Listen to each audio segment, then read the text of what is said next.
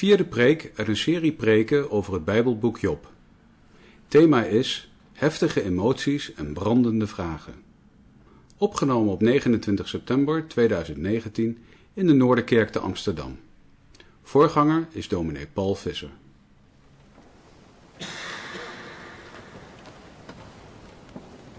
We lezen met elkaar in aansluiting op de diensten die we intussen hebben gehad over dit boek, het boek van Job,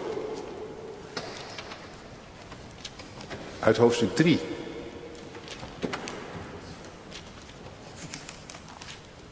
En u zult uh, wel merken al, ter, terwijl we het lezen, dat er soms geen touw aan vast te knopen is.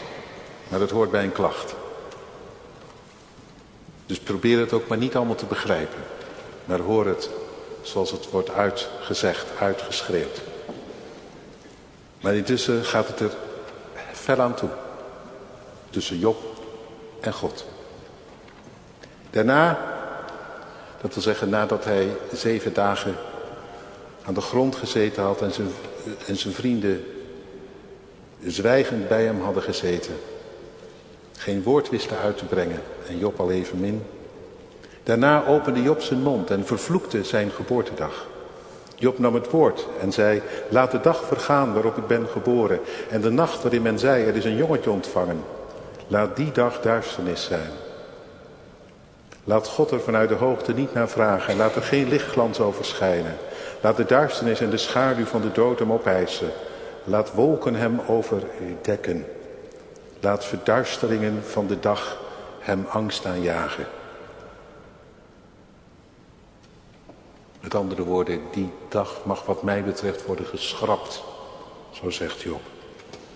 Die nacht laat donkerheid hem wegnemen. Laat hij zich niet verheugen onder de dagen van het jaar.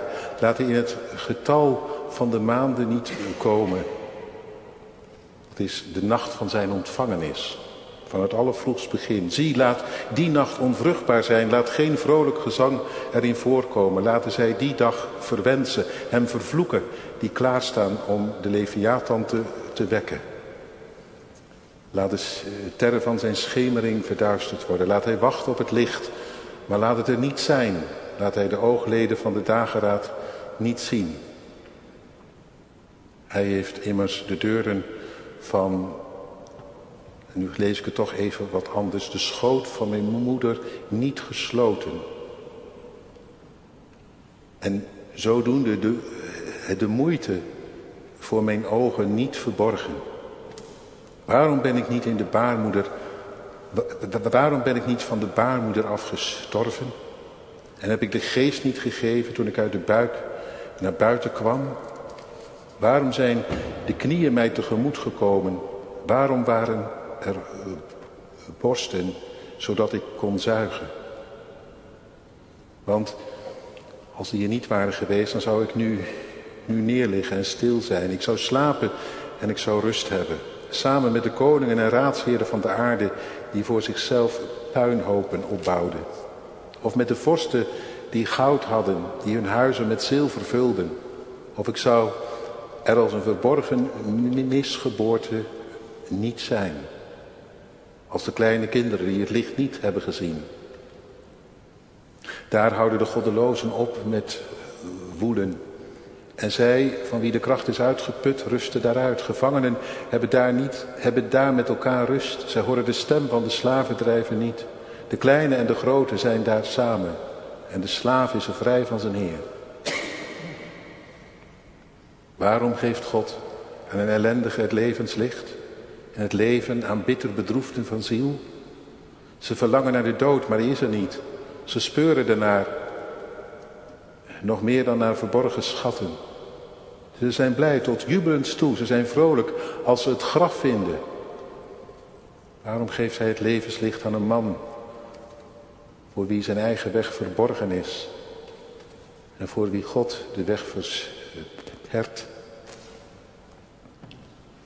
Want in plaats van mijn brood komt mijn zuchten en mijn jammerklachten worden uitgegoten als water. Want wat mij angst aanjoeg is mij overkomen. Dat waarvoor ik beducht was, is mij overkomen. Ik ben niet gerust. En ik ben niet stil. Ik heb geen rust. Er is onrust gekomen. Tot zover. Heftige emoties en brandende vragen, dat is het thema van deze dienst. Gemeente van Christus, broeders en zusters. Die, die vrienden doen er het zwijgen toe.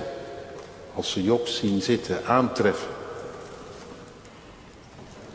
In de misère waarin hij terechtgekomen is. Een en al verlies. Rouw, waar geen woorden voor zijn.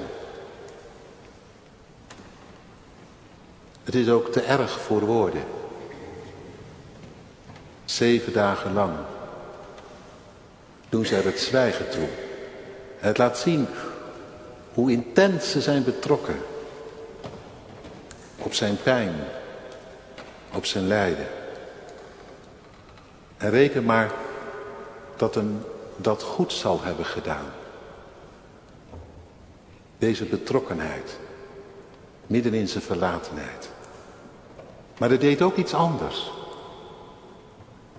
Door hun verbijsterde zwijgen drong het alleen maar dieper tot hem door. Wat hem was overkomen. Inderdaad, geen woorden voor.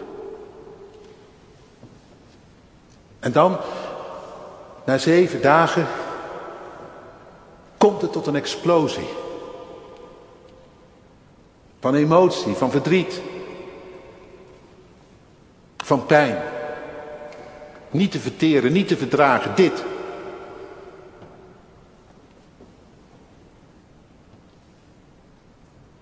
Dit lot dat hem getroffen had.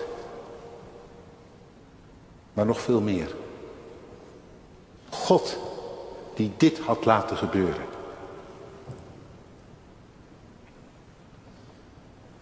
En met dat Job het stilzwijgen verbreekt, zo lezen we hier.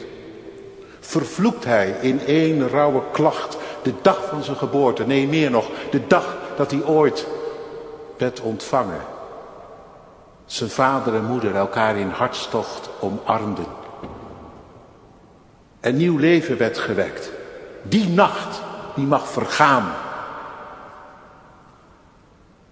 En mijn bestaan erbij. Zo klaagt hij. Was, was die dag maar nooit aangebroken, de dag waarop ik werd geboren, de nacht waarin ik werd verwekt.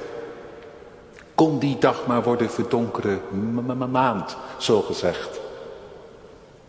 Had God zich maar niet om mij bekommerd, daar in de moederschoot en in mijn geboorte, mij gewoon dood laten gaan. Had ik het levenslicht maar nooit gezien. En was die nacht maar onvruchtbaar geweest. Die nacht waarin ik werd verwekt.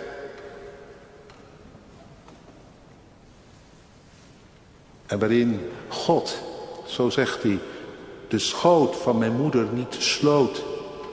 En mij dus gewoon het heeft aangedaan dat, dat, dat ik het met dit leven, met dit leed en deze ellende moet doen. Hij wist het toch, waarom laat hij me dan, dan überhaupt geboren worden en leven? Waarom ben ik niet meteen gestorven in de moederschoot? Waarom waren er knieën toen ik werd geboren om mij te ontvangen en borsten om te zuigen? Wat had het voor zin? Nu het me zo vergaat? Waarom niet gewoon begraven en weggemoffeld als een misgeboorte? Dan zou ik nu rust hebben tenminste. Samen met de rijken van de aarde. Want daar in de dood is het beter dan hier in het leven. Daar is het met het kwaad van goddelozen gedaan. Daar vinden mensen die zijn afgebeuld tenminste rust. En gevangenen vinden er hun vrijheid. Daar zijn kleinen en grote gelijk. Daar is de slaaf vrij van zijn heer. Waarom? Waarom nog langer geleefd? Nu ik er zo ellendig aan toe ben.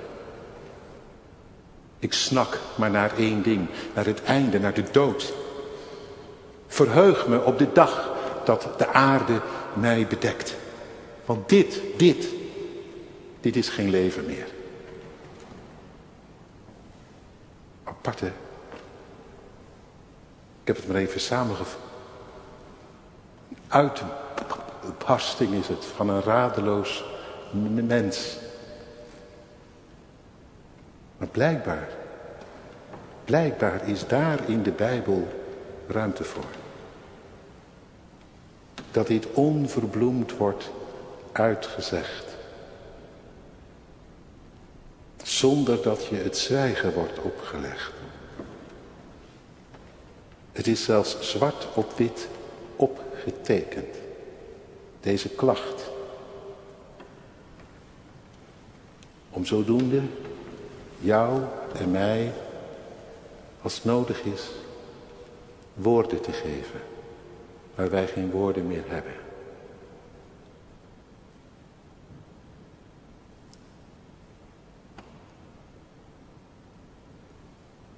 Ons hart te luchten.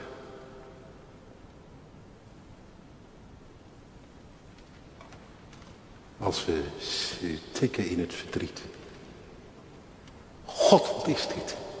Hoe kan dit? Dit kunt u gewoon niet maken. Mij geboren te laten worden voor zo'n leven. En als het dan toch zo moet zijn, laat dan de dood alstublieft zo gauw als het kan komen.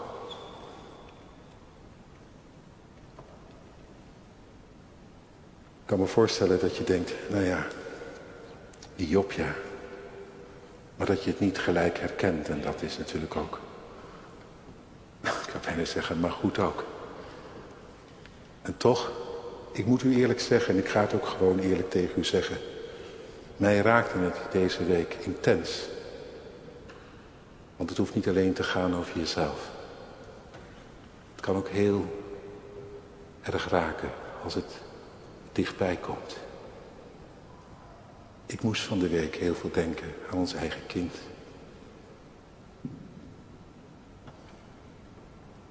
God, als er meer niet in zit, waar is dit leven dan goed voor?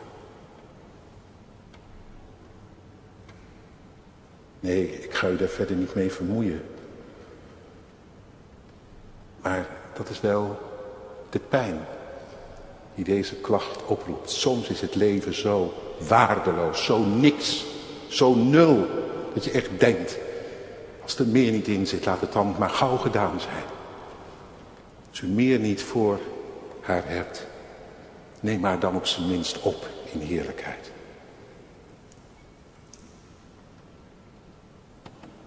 Doe er eens wat aan.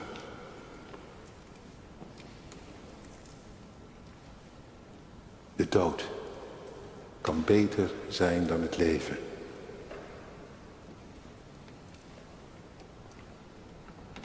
En ik ben natuurlijk niet de enige.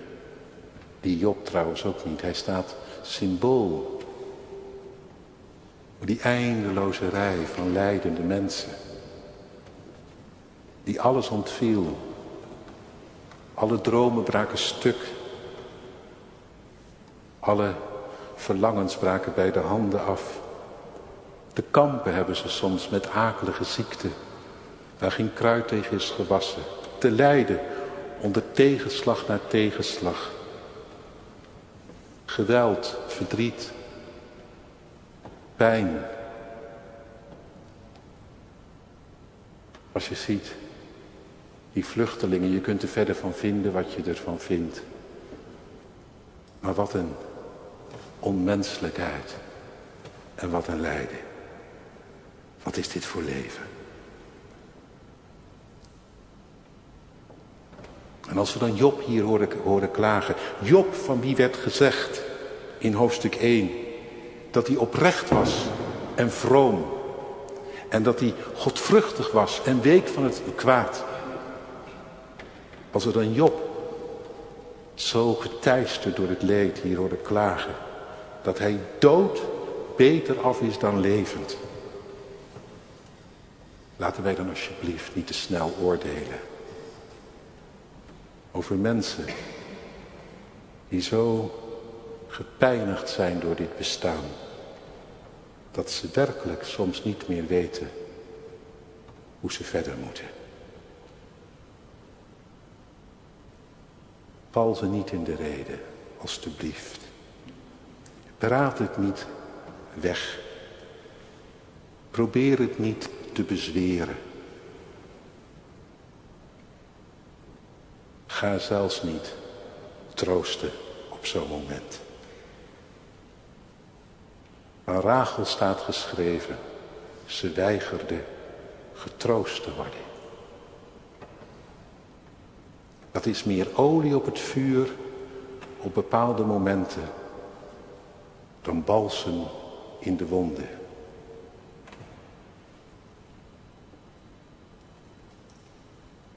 Doe liever, ja doe dan toch maar liever zoals die vrienden. Ze lieten die op uitrazen, uittieren. Niet één die zei, ho, ho, ho, dit mag je niet zeggen. Nee. Ze lieten hem klagen, huilen. Althans, vooralsnog. Maar goed, het viel me wel op. Niemand die hem in de reden valt. Je houdt je hart, je houdt je adem in. Waar gaat dat naartoe? Waar eindigt dat? Ja, die klacht van Job hier is meer, dat voel je wel aan, dan een roep in de ruimte. Het is ook een schreeuw, een schreeuw naar de hemel. Een schreeuw om God. Nee, niet eens heel direct. Het is ongearticuleerd, maar toch, tussen de regels door valt een en andermaal zijn naam. En logisch, logisch, want Job had alles met God. Vroom was hij, oprecht, godvruchtig, wijkend van het kwaad. Nou, mooier kun je het niet hebben, hechter ook niet. En dat is natuurlijk niet ineens over als alles uit handen is geslagen. Maar intussen was het niet te rijmen. Dat wat hij met God had en dat waar hij nu in zat. En door die klacht heen hoor ik dan ook iets van verwijt. God, hoe kunt u? Waarom hebt u de schoot van mijn moeder geopend die nacht? Waarom waren er, er borsten om te zuigen toen ik werd, werd geboren? Waarom ben ik niet dood? Als u mij hier zo ziet zitten. Job gaat ver. In zijn verwijt. Ze verwijt naar de hemel. En toch, en toch, hij gaat niet zo ver als Satan had gehoopt. Dat hij God vervloekt. Zeker, hij vervloekt de dag van zijn ontvangenis, de dag van zijn geboorte, maar God, nee, toch niet. Dat hij hem afdankt.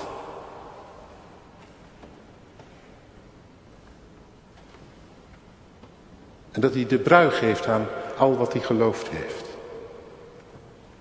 Dat toch net niet. Nu Job er van alles uitgooit, moet je vooral heel goed letten op wat hij niet zegt.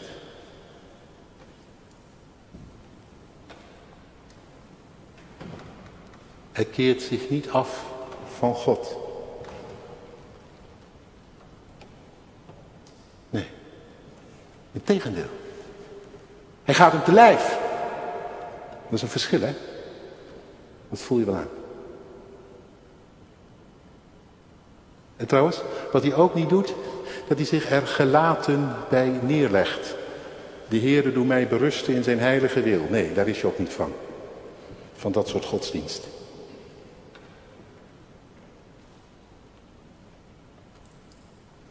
Dat laatste lijkt natuurlijk soms heel gelovig. Maar of het dat ook echt is, is zeer de vraag. Wie gelaten het ondergaat, verraadt daarmee in de regel Dat je zo weinig vertrouwd raakte met God, dat je ook niet weet hoe je met hem vechten moet. Kun je het nog volgen?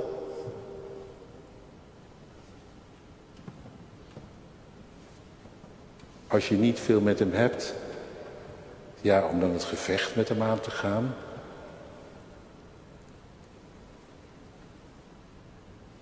Daar heb je ook geen zin in. Intussen blijft het natuurlijk dan wel gisten binnenin je. En het leidt vaak alleen maar tot nog meer afstand dan er al was. Gelatenheid is nog geen overgave. Liever vechten met God dan je gelaten erbij neerleggen, omdat er toch niks tegen te doen valt. In vechten zit leven. Gelatenheid is vaak de dood in de pot. Die Job gaat dat gevecht in ieder geval wel aan. Bestormt God met zijn vragen, met zijn pijn, met zijn verdriet. En ik dacht, die Job zegt als het ware door die hele klacht heen, u komt hier niet mee weg.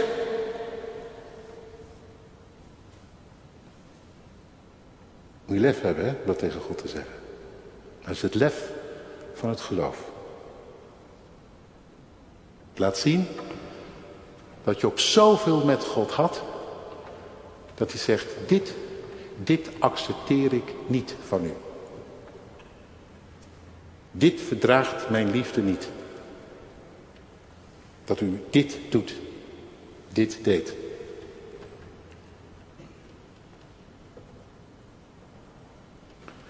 Ja, dat kan alleen als je alles met God hebt, dat je zo, zo spreekt.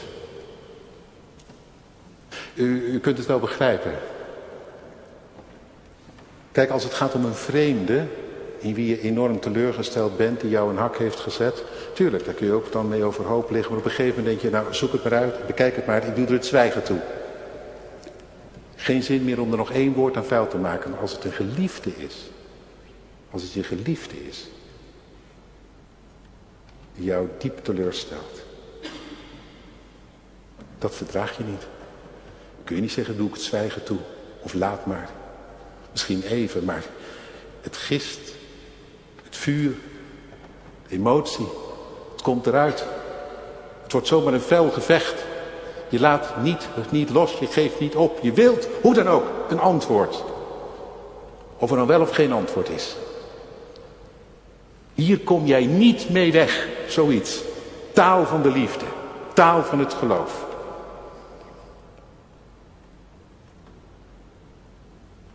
Daarom dat Job hier zo uitvalt. Dat is de keerzijde van diep vertrouwen. Van diepe liefde. Die door wat hem is overkomen. Waarin hij door wat hem is overkomen compleet ontgoocheld is.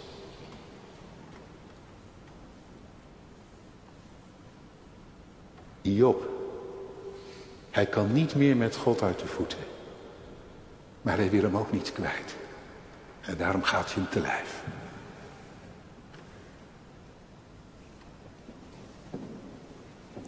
En ik, ik zeg niet dat iedereen zo'nzelfde strijd moet hebben en voeren als die Job. Maar ik zeg wel, soms ontkom je er niet aan. Als je God niet kwijt wilt raken in je vertwijfeling.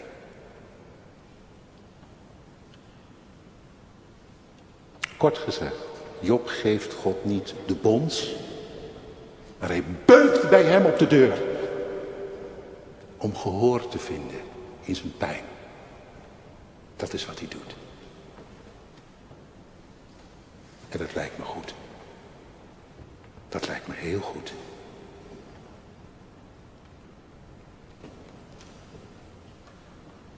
Ja, één ding is intussen wel heel duidelijk. Geloven in de levende, in de getrouwe, in de genadige, in God die goed is, maakt het er lang niet altijd gemakkelijker op. Anders nog, het maakt het in die misère vaak dubbel zo moeilijk. Zeker in eerste instantie. Want je huilt niet enkel om het leed, om dit of dat. Maar je wordt ook getroffen door heel diep hartzeer om God. Dat hij het toeliet, het niet voor je opnam, niet ingreep, het niet voorkwam. Dubbele pijn dus, voor wie gelooft. En ik zeg u, de laatste pijn kan harder en onverdraaglijker zijn dan de eerste. Ik heb geen rust meer, zegt Job. Geen rust of duur. Geen rust meer. Tot, tot God zelf iets zegt. Want ja, de vragen, die zijn uitgesproken. Brandende vragen. Waarom leef ik? Waar is dit goed voor? Waar gaat dit nog over?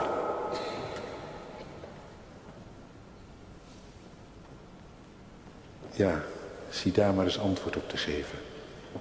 Geen mens die, dit voor, die hier nog een antwoord voor handen heeft. Zelfs zijn beste vrienden niet. Hier moet God zelf aan te pas komen. Zonder het verder uit de doeken te doen, herinner ik me in een van de diepste crises van mijn leven. Want zoiets komt meestal maar één keer voor, als het al voorkomt. Ik zei het al. Gelukkig als je er niet in terecht komt. Dat mijn vader belde, goed bedoeld. Jongen, kan ik langskomen? Ik zei, dat is best, als u maar geen woord zegt over God, want dan ga ik vloeken. Hij gaat mij één antwoord geven en dat is God zelf. En u niet. Ik hoef het niet te horen. Dat kan ik zelf wel bedenken. Zo heftig kan het zijn. Tussen God en jou.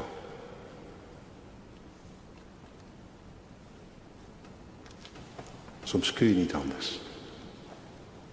Dan moet God zelf spreken. Letterlijk. Zeker, hij sprak ooit. In al onze nood, in al onze, ons verdriet, in al onze pijn in Christus. Zeker. En hij, hij sprak op weergaloze manier. Geen antwoord, maar veel meer dan dat. Een woord van leven. Tegen de dood in. Ik bedacht, dat moet ik u wel zeggen. Ik moet u niet, niet zomaar naar huis laten gaan. In Christus, erin gekomen, ons bestaan met al zijn schuld, tekort, maar ook met alle misère, gebrokenheid, nood, dood, vragen, raadsels. Alles, alles. Het ging mee aan het kruis. Het ging mee met hem de dood in. En hij schreeuwde het uit. Hij voor mij. Waarom? Waarom? En met dat het tot een eind kwam. En het stil viel. Stond hij ten derde dagen op. Gods antwoord. Dat hij ons niet aan ons lot overlaat. Dat hij ons meer dan wie ook maar geliefd heeft en gered. Maar ja, dat is mooi gezegd nu. Dat is mooi gezegd, maar ook net een beetje te vroeg. Als je echt in de, in de ellende zit. Want ook hier kun je soms niks meer aan hebben.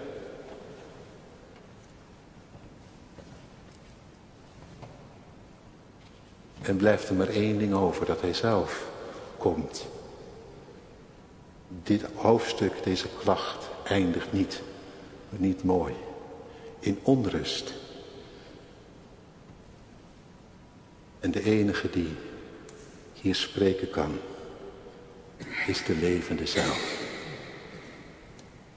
Goed dat die vrienden, zo zei ik net, Job niet in de reden vielen. Nog beter was het geweest als ze ook daarna niet waren gaan praten, maar met hem mee waren gaan roepen. Roepen om God, om een woord van hem, waar zij geen woorden hadden. Lieve mensen, broeders en zusters, dat is ook vandaag soms het beste wat je kunt doen.